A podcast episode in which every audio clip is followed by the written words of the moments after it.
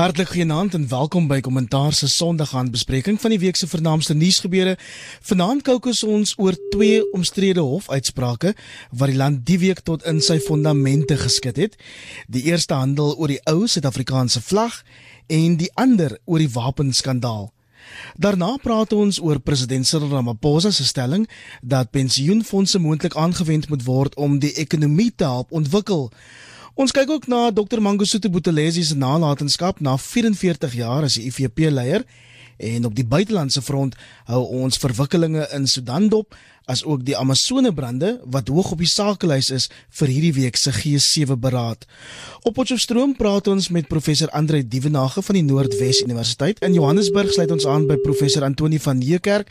Hy is by Witse Skool vir Regeringskunde. Ons derde gas op die lyn. Dit is 'n politieke kommentator wie se menings al by als van Vrye Weekblad tot Business Day en Al Jazeera gehoor is, Dr Ismail Lagardin.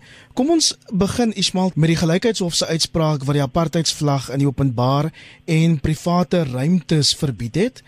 Ehm um, dis 'n bevinding wat volgens Alida Kok in beeld die idee ondersteun dat 'n sekere kultuurgroep ehm um, nie die reg het om deel van die Suid-Afrikaanse samelewing te wees nie, Ismail. Maar aan die ander kant is dit 'n groot deel van die bevolking wat sê dis 'n blye dag omdat die vlag 'n simbool van 'n tyd is wat hulle eerder sou wou vergeet. Hoe lees jy die hofuitspraak?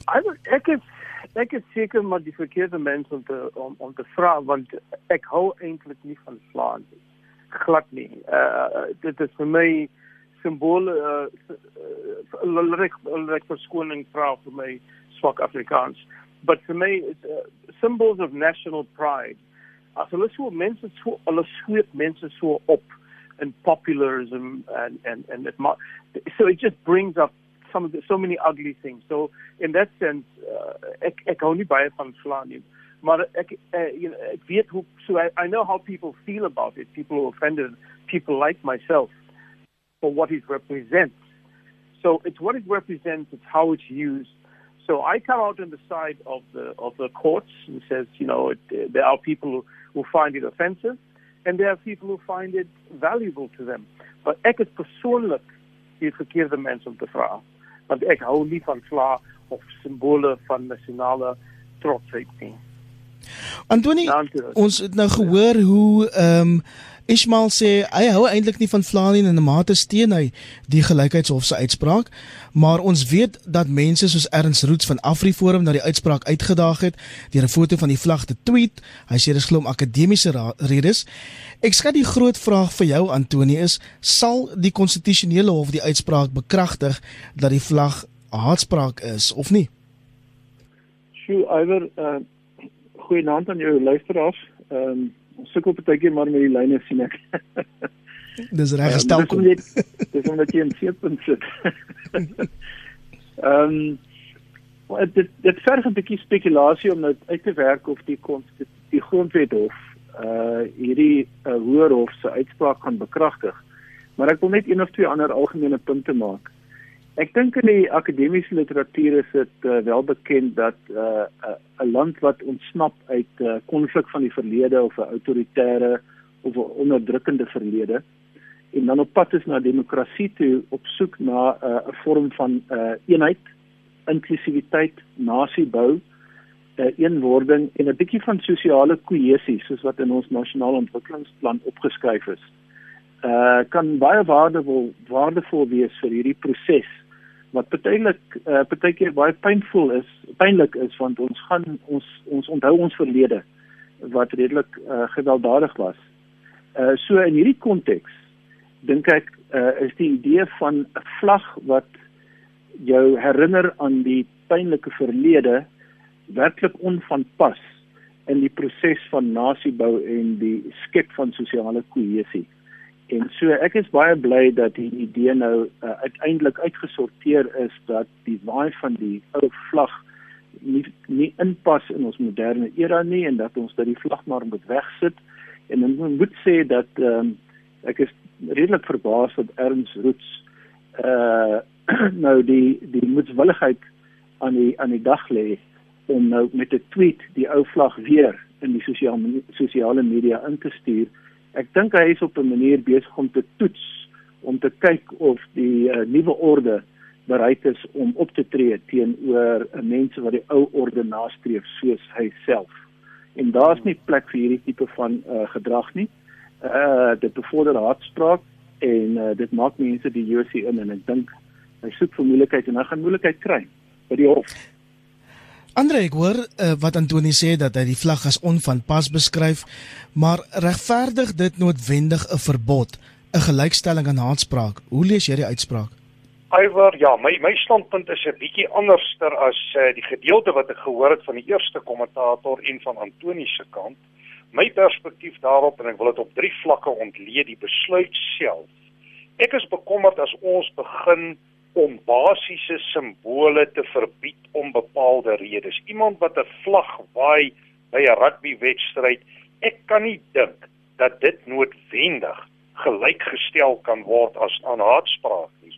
Maar dan kom iemand soos Julius Malema en hy sê uh skiet die uh, boere skiet die uh, one settler one bullet uh daai tipe van ding en dit word nie as haatspraak gesien nie dan moet ek sê ervaar ek 'n geweldige vlak van inkonsekwentheid in die besluitneming.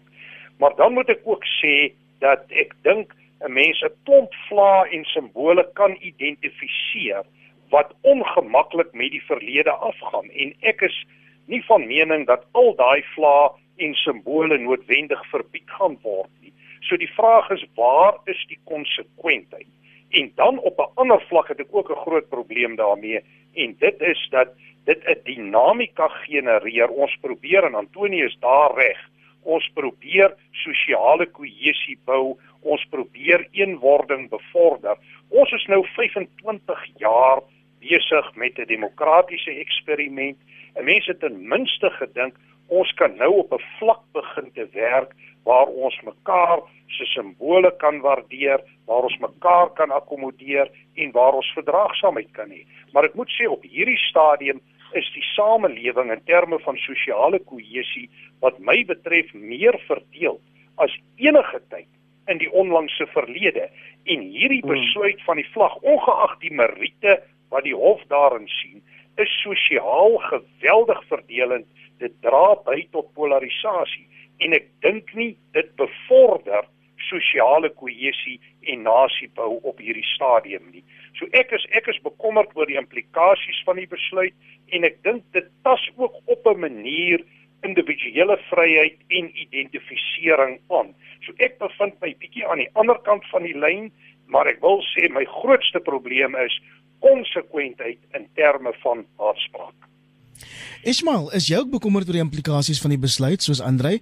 Ek het hierdie week gehoor hoe mense letterlik in trane uitbars omdat die pyn nog vlak lê wat 24 25 jaar later daai vlag vlag verteenwoordig iets wat wat baie mense, die grootste deel van die bevolking nog baie seer maak. Ja, ek ek ek, ek stem met wat baie uh, saam met met ek het met Andrei um about consequences. There's a lack of consequences. And there's also uh, a double standard. Uh, hoe sê mense in Afrikaans 'n double standard? Dubbele um, standaard, ja. Dubbele standaard. Daar is 'n dubbele standaard. Nou nou daar daar's daar's plek vir dubbele standaarde en maar in hierdie in hierdie uh in this case we have to uh, uh the one settler one bullet that is as destructive and uh to to to people even more so because that it brings it, it, it foments violence. It actually inspires violence and uh, encourages people to go out and, and commit deeds of violence. And uh, Ekfolk, I, I'm sorry, I follow the EFF quite closely, and, and I'm quite frightened by their their discourse. But let me just uh, mm. say, I think Antoni knows this. I am, uh, for, better or for worse, uh, een van die skrywers, ek is een van die mense wat op die National Development Plan gewerk het en social cohesion is 'n baie belangrike uh, it's a very important thing. But soos ek gesê het van die begin af, ek is die verkeerde persoon om te praat. Ek hou nie van simbole symbols of national pride, but I also know that we need to stop inflammatory language as as uh, as as Andre pointed out and we need to to be sensitive to the hurt that it brings to people. To me too. I mean, you know, I can't claim to be some kind of martyr or anything, but you know, ek ek het groot geword op 'n uh, kleerlingsake skool en ons het die vlaglied gesing en ons het uh, al you know, so dit dit het 'n sekere betekenis for when I was a child, and then in 1976 to credit to to, to begin it nou iets nuuts te word. So now that, that, it makes my skin crawl, but it doesn't mean other people don't find it heartwarming or uh, that they don't they're not pride when they see their flag. So I see both sides of the story, but I come out on the side of st- let's stop this warmongering, let's stop this violence, and let's be more sensitive towards each other because we share an interest in, in stability uh, and trust. For me, die die ding wat ek probeer altyd uh, op die National Planning Commission is, is is why we need to establish trust amongst one another. And right now, to, to sort of sum up, there's a trust deficit in the state and there's a trust trust deficit among people. And dit dit is een van onze grootste probleme. Hierdie die vlag story doesn't help things at all. Antoni die EFF. Ja, gaan voort. Ja. ek weet nie of die EFF moet uitkom nie, maar ek wil net vir uh, uh reageer op wat Andre nou gesê het oor dubbele standaarde en sy bekommernis. Uh, ek is bekommerd oor sy bekommernis. Ek verstaan die argument van dubbele standaarde. As Julius of enige politikus sê of 'n leier in die samelewing sê, kom ons sny wit mense se kele af, maar dalk nie nou nie. So tipe van 'n uitspraak. Dis haatspraak, dis rasisme, dit moet in die kiem gesmoor mhm. word. Ons ons regstelsel moet moet dit aanspreek. Daar's nie argument by ek jy weet ek dink dit moet uh, dit moet so hanteer word. Uh met drif en dwang want daai sosiale kohesie waarvan Ismail en ek praat is super belangrik. Die die land as die land gaan weer verval in minder minderheidspolitiek, dan dink ek uh, is ons in groot moeilikheid.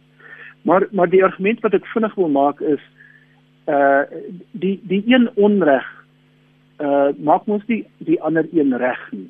So ons kan sê dat die hmm. EFF en Julius en en radikale aan die swart of die linkerkant of die ekstreme kant moet op sekere maniere hulle moet hulle gedra. Dit vat nie die feit weg dat die mense wat die ou vlag rondswaai bedoelinge het om terug te verlang na die apartheidsverlede nie en dat dit skade berokken aan die meerderheid van die mense in die land. Dit dis mos 'n eenvoudige ding wat ons met, met mekaar kan saamstem. Kollegas, ek gaan aanbeweeg na 'n volgende onderwerp. Terloops, ek sien die EFF het na die uitspraak ook gevra dat die stem uit die volkslied verwyder moet word en ek vermoed ons gaan weer daaroor ook op kommentaar praat. Intussen het 'n volbank van die Hooggeregshof die tafel gevee met die bevindinge van die Seriti kommissie oor die destydse wapenskandaal. Maswi Kaba skryf in vandag se Independent on Sunday dat regter Willie Seriti in die kommissie 'n Oscar vir die de beste dekmantel moet ontvang. Andre, die vraag is was dit eintlik alles 'n klug, 'n duur klug van 140 miljoen rand? Wel, uh, Iwer, ek wil nie sê dit was heeltemal 'n klug nie, maar dit is baie baie duidelik dat eh uh, die ondersoek en die gepaardgaande verslag nie die toets deurstaan het nie en dat dit problematies is. En dit lyk vir my en dit bekommer my baie van ons kommissies van ondersoek en in die verband is ek ook effe bekommerd oor wat by die Zondo-kommissie aan die gebeur is dat uh, hulle nie werklik hulle tande kan inslaan en besluite wat moeilik is deur 'n strafregstelsel deurneem nie. So dit lyk vir my hier's 'n probleem met kommissies van ondersoek. Hulle is dikwels uh op die kantlyn van dinge. Hulle besluite word nie ernstig opgeneem nie of dit is nie hmm. goed afgehandel dat dit substansie het nie. In daai sin vind ek dit 'n uh, bietjie problematies en ek moet sê ons is nou al lank besig met ondersoeke na die uh wapentransaksie en ons het nog nie regtig gevorder nie. Die een standpunt is ons moet dit nou los. Die ander standpunt is ons moet konsekwent voortgaan en dit hanteer. My gevoel is as ons ons verbind tot die oppergesag van die reg en dis 'n prinsipiële standpunt, dan moet die saak na behoore ondersoek word en dit moet afgehandel word. Uh en ek dink sover was ons nog onsuksesvol in die verband. Hmm. Ismael, wat volgende? Ons kan tog nie net korrupsie vergewend vergeet nie. Ons kan dit tog nie net los nie. Ek vir skool met maar wat is wat is 'n klug in in Engels? Ehm um, jy vra nou klomp Afrikaanse mense. 'n Fas. 'n Fas. Okay, uh, ek sal nie so ver gaan nie. ek is jammer jammer meneer. Ehm um, een van die groot probleme wat wat ons het in Suid-Afrika uh, en en ek, ek stel dit in Engels staan but I, I would love you to, to explain to me in Afrikaans is I I always tell people don't confuse ambition with achievement. so so om die om die land het om om om to to explain to public servants uh, what the national development plan was. Uh, you know, I, I, I left academia, did a bit of that, now I'm back writing again. The, the, the point is, when you create a commission, you really haven't achieved anything. It's, it's like saying you're going to have a meeting and then you think, okay, we've achieved something. No, you haven't. So, so, so hoe stel mense dit in Afrikaans? To, as you say, uh, don't confuse achievement with ambition. Om die waarheid te sê, hierdie kommissies het nog niks they they haven't achieved anything other than the performative nature of it. Uh, Andre, asseblief. Kom ons kom ons hoor gou wat Antoni daarop sê. Hmm. Uh, ek ek dink wat is nou probeer sê in sy mooi Engels. uh is dat kommissies van ondersoek is dalk 'n uh, proses. Ons moet daaraan dink as 'n proses. Dis 'n beginpunt. Dit loop nie altyd uit op resultate nie. En ek het so gevoel dat die Seriti kommissie uh in op, op hierdie manier gesien moet word. Ek is baie bly hmm. oor die uitspraak nou dat ons weet dat die verslag op sy geskuif moet word. Dit het geen waardevolle betekenis of insaag gebring nie. En ek is van die standpunt, ek dink Andre het vir ons gesê daar's twee pole, ons los dit of ons gaan voort. En Andre het ja. nou ook 'n standpunt ingeneem daaroor, ons moet voortgaan, ons kan nie die korrupsie vergeet nie. Daar lê by die nasionale vervolgingsgesag uh, in 'n in 'n in iewerster in 'n kluis toegesluit uh honderde duisende dokumente wat versamel is in die proses wat nie reg waar ontgin is nie en ek vermoed daar is waardevolle inligting wat gebruik kan word om na die strafreg proses toe te gaan en vir mense soos Jacob Zuma uh aan te kla vir bedrog en korrupsie wat verband hou met die wapenskandaal.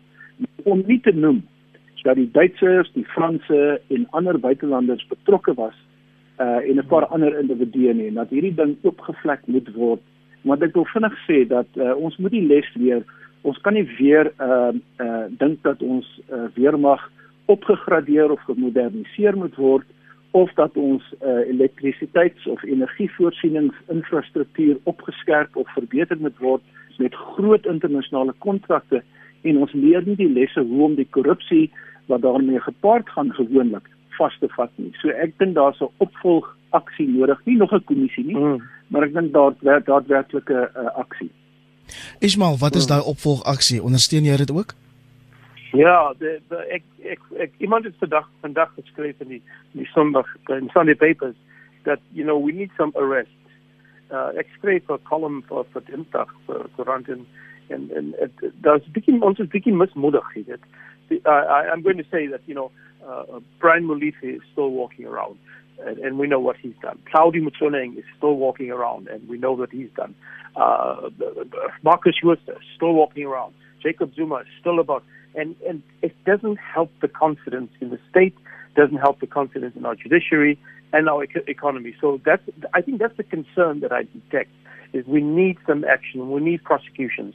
But then I also happen to know, and I shouldn't speak out of class, that uh, to, to put together a watertight case takes a lot of work.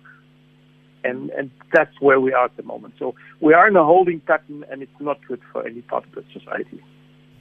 As jy sopas by ons ingeskakel het, jy luister na kommentaar regstreeks op RSG. Dis nou 20 minute oor 8 en ons praat volgende oor president Cyril Ramaphosa se stelling terwyl vraatyd in die parlement dat pensioenfonde dalk aangewend moet word om ontwikkeling en infrastruktuurprojekte te te, te finansier. Andre in plain Afrikaans, het die president vir ons probeer sê dat die land se geld op is. Hoe het jy daai stelling gelees? Iwer, ek het geen twyfel dat die land in ernstige uh finansiële probleme is op die stadium en uh die die finansiële omgewing binne die staat erken dit en die ekonome en ontleeders bevestig ook daardie uitdagings. So ek het geen twyfel ons het 'n probleem nie.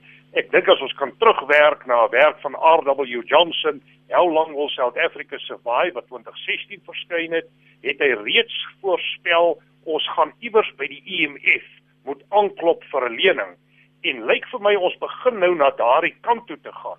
Maar uiteraard is die pensioenfonde binne Suid-Afrika wat geweldig sterk is, 'n baie sagter teken. En as jy bloot luister na wat ekonome sê en ek dink nou veral aan iets wat ek gesien het, Magnus Huystek genoem het, waar die mense bo 55 aanraai om hulle geld so vinnig as moontlik uit die land uit te vat dan dink ek ons het wel 'n ernstige probleem hier.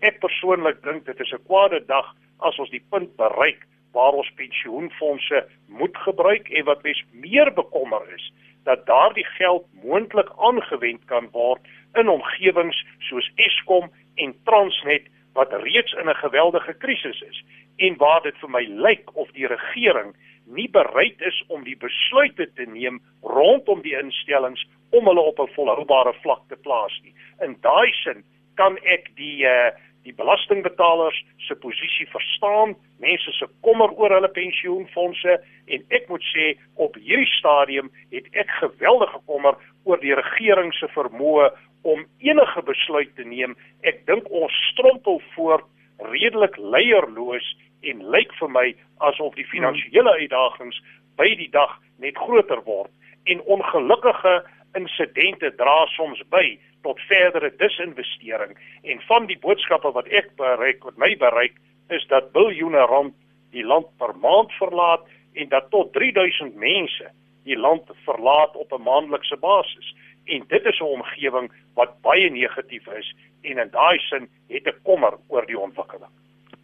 Antoni, die ANC het ook hierdie week laat val dat die ba batebestuurbedryf tans iets so 6 trilljoen rand bestuur waarop die regering geld kan leen. Is dit nie beter om dan eerder geld by die internasionale monetaire fonds te leen nie? Sjoe, uh, either uh, die die IMF e kom met uh, baie voorwaardes.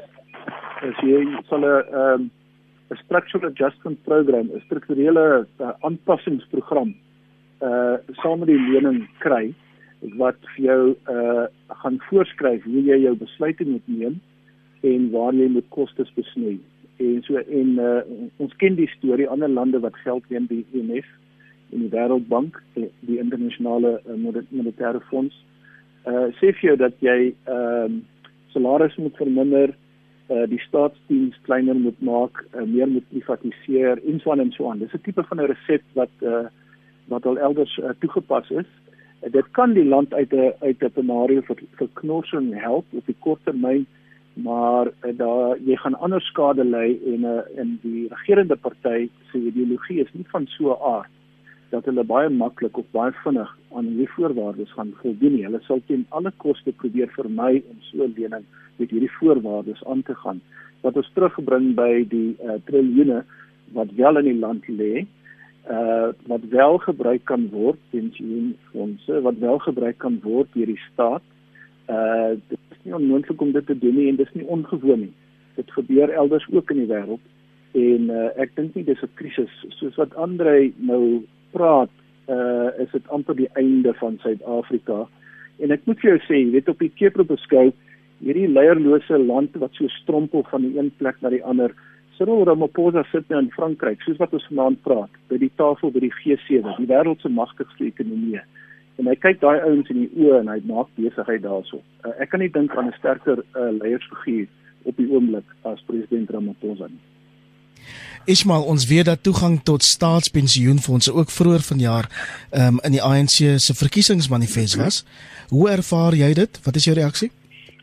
maybe actually is that the the the, the late for me as of um the ANC and the start alliance I call it the the, the ANC uh, state uh, the difference between elite so you have more.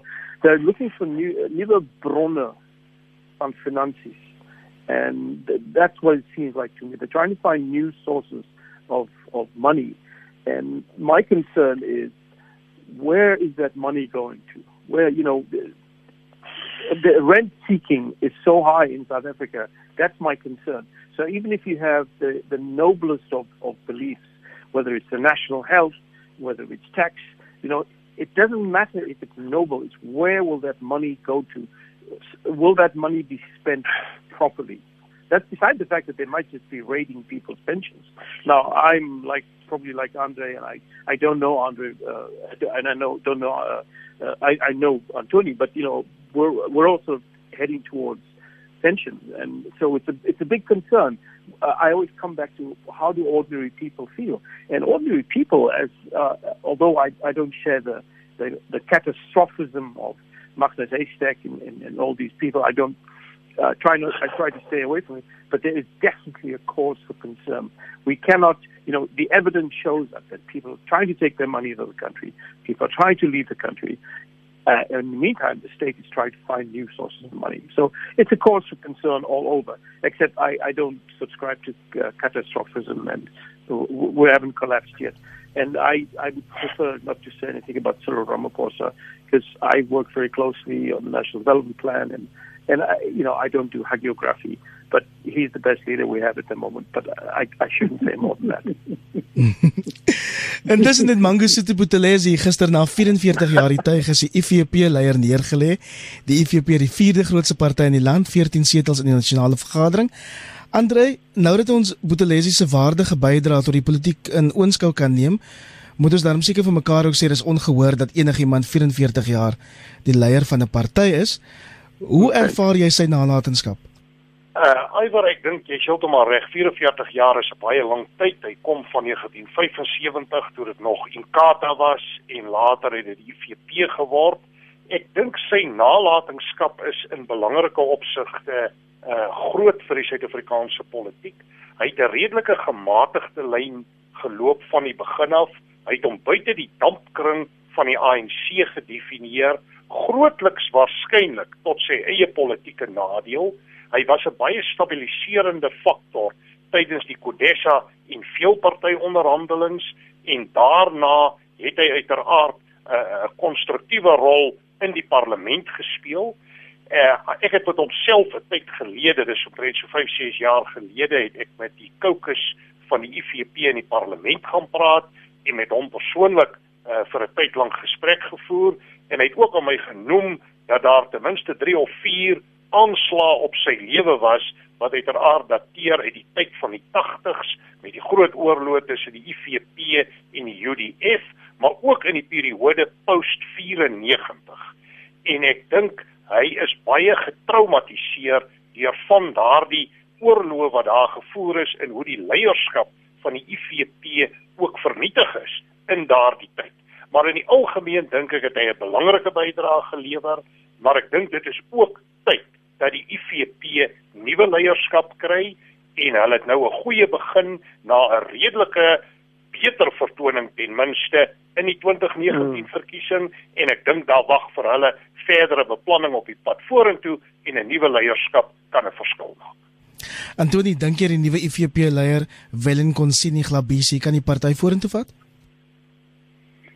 Die, die arme man uh moet nou red wat Buthelezi gedoen het oor 44 jaar.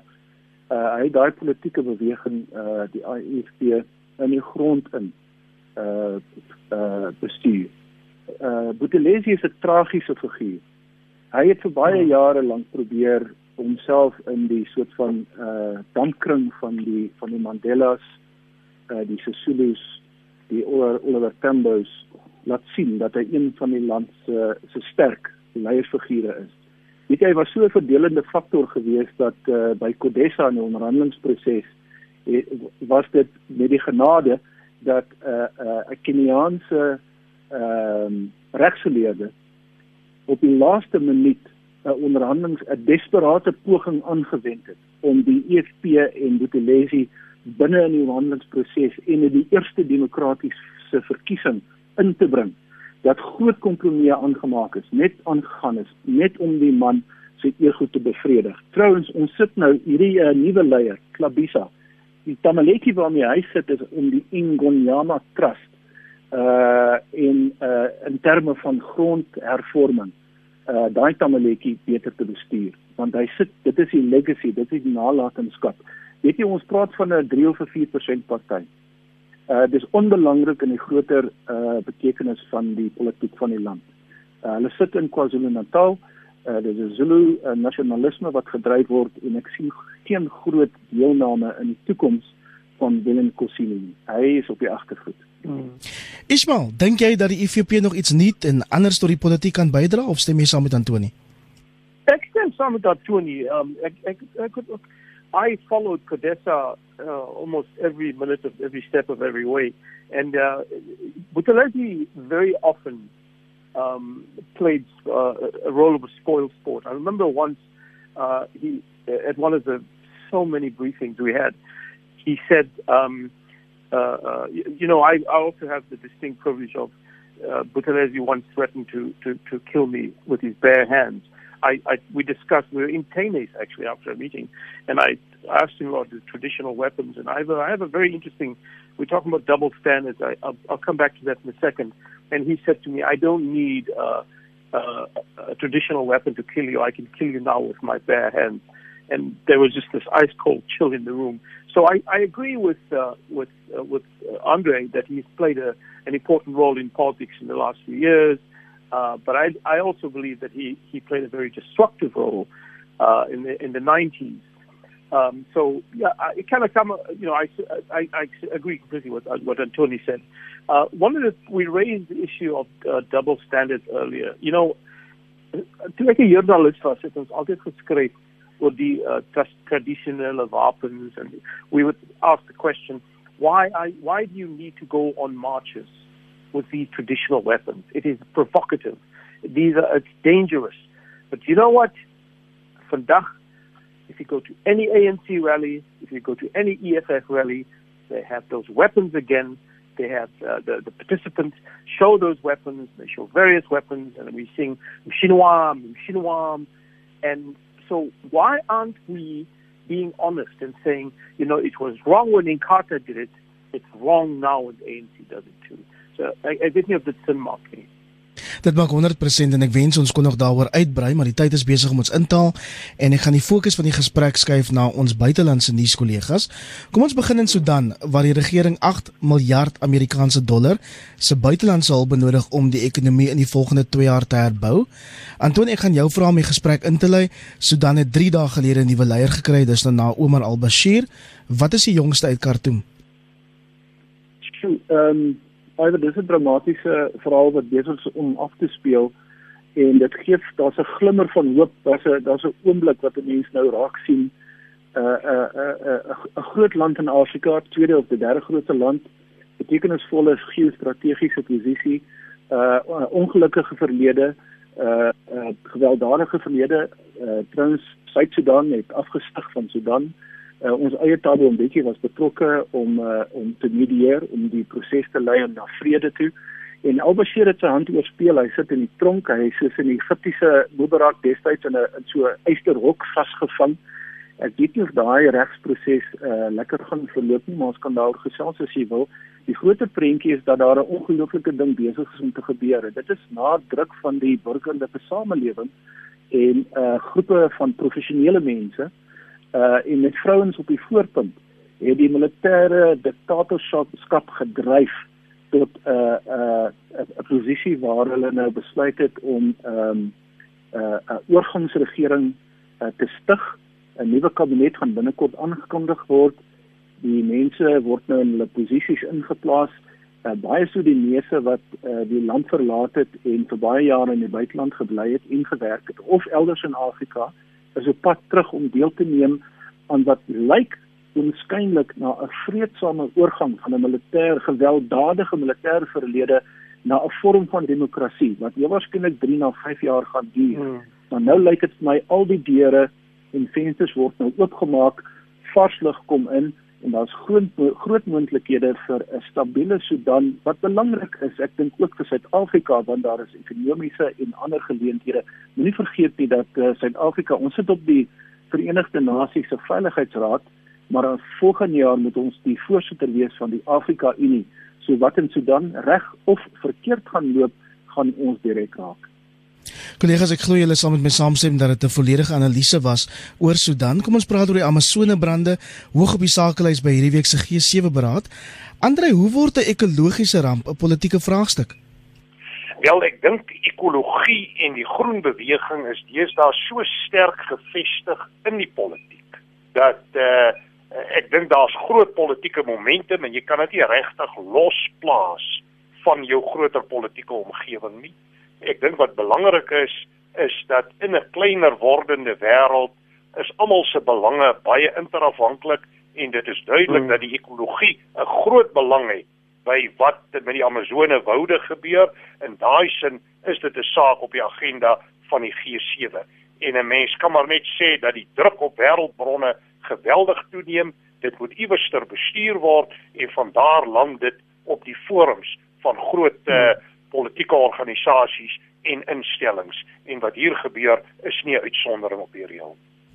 Ismail ek het nou die naweek gesien hoe Brasilië se president redelik harde kwas uitsprake maak soos dat geen ander land vir hulle sal voorsê wat om in die Amazone te doen nie.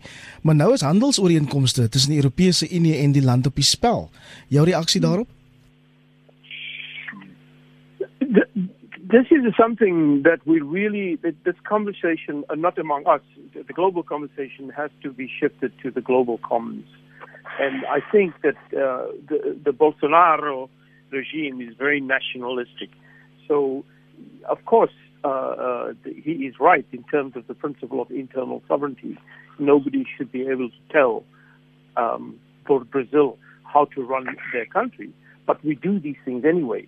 So that the discussion has to shift to the global commons, and uh, ha- we have to be made aware that you know yes, the Amazon might be in most of the Amazon might be in Brazil, but the world needs it and and this is where I think the discussion should go.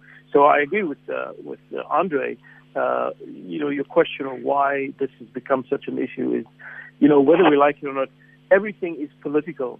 And if you think something isn't political, it can be made political. And that is the reason why it's becoming such a serious issue. And we're not even discussing the global crisis and the environment. We're just discussing the politics and the idea of sovereignty. And uh, th- those are the things we're discussing. Well, who owns the Amazon? Mm. It's a difficult question. And one of the dangerous conversations that have come out of Brazil in the last week or so, and I think it was uh, foreign minister, I, I, I could be corrected, but who said that the, the, the Amazon needs to be privatized. And if it's privatized, so if you privatize it, then there'll be a greater concern. There'll be, there'll be a greater interest in preserving it, protecting it, and leveraging it for growth, etc. that is a dangerous discussion. Antonio, ons het nog so 'n minuut oor is internasionale aksie nodig om die wêreld se reënwoude te beskerm? Ja, sjoe, alweer dis jammer die tyd is nou amper op. Ehm um, ja. Wat want want wat ek hier so raak sien is uh jy weet die aarde het soort van groen longe nodig. Uh Sentraal-Afrika se reënwoude in die Kongo uh en ook die Amazone reënwoud. Uh dit dit behoort aan aan die mensdom as ware uh uh die politiek uh, twee tussen beide soewereiniteit speel 'n rol maar ek wil sê uh op die keper beskou is uh, Bolsonaro 'n regsgesinde president of politikus wat nie omgee dat uh, ontbossing en brande in die reënwoud plaasvind sodat daar meer plek gemaak kan word vir landbou en beesboerdery nie. So vir hom is die kapitalisme die die drywer en hy gee nie regtig om oor die die die ekologie of die voordeel wat die mensdom moet trek uit die beskerming van hierdie uh, unieke uh, reënwoude nie. En ek dink dis hoekom hierdie ding op die G7 beraad beland het want mense wil sê vir mekaar sê uh, jy dring jy dryf die ding werklik waar veel te ver. Uh, dan moet 'n balans geskep word tussen tussen die vermoë van die van die wêreld om ekologies op te tree en dan die behoeftes van kapitaliste. Ons sal kyk hoe dit hierdie week uitspeel by die G7 beraad bly ingeskakel vir die jongste daaroor op Monitor en Spectrum. Tyd om te groet hier op kommentaar. Baie dankie professor Andre Dievenage van die Noordwes Universiteit, professor Antoni van Nieuwkerk van Witse Skool vir Regeringskunde en die onafhanklike politieke kommentator Dr. Ismail Lagardin.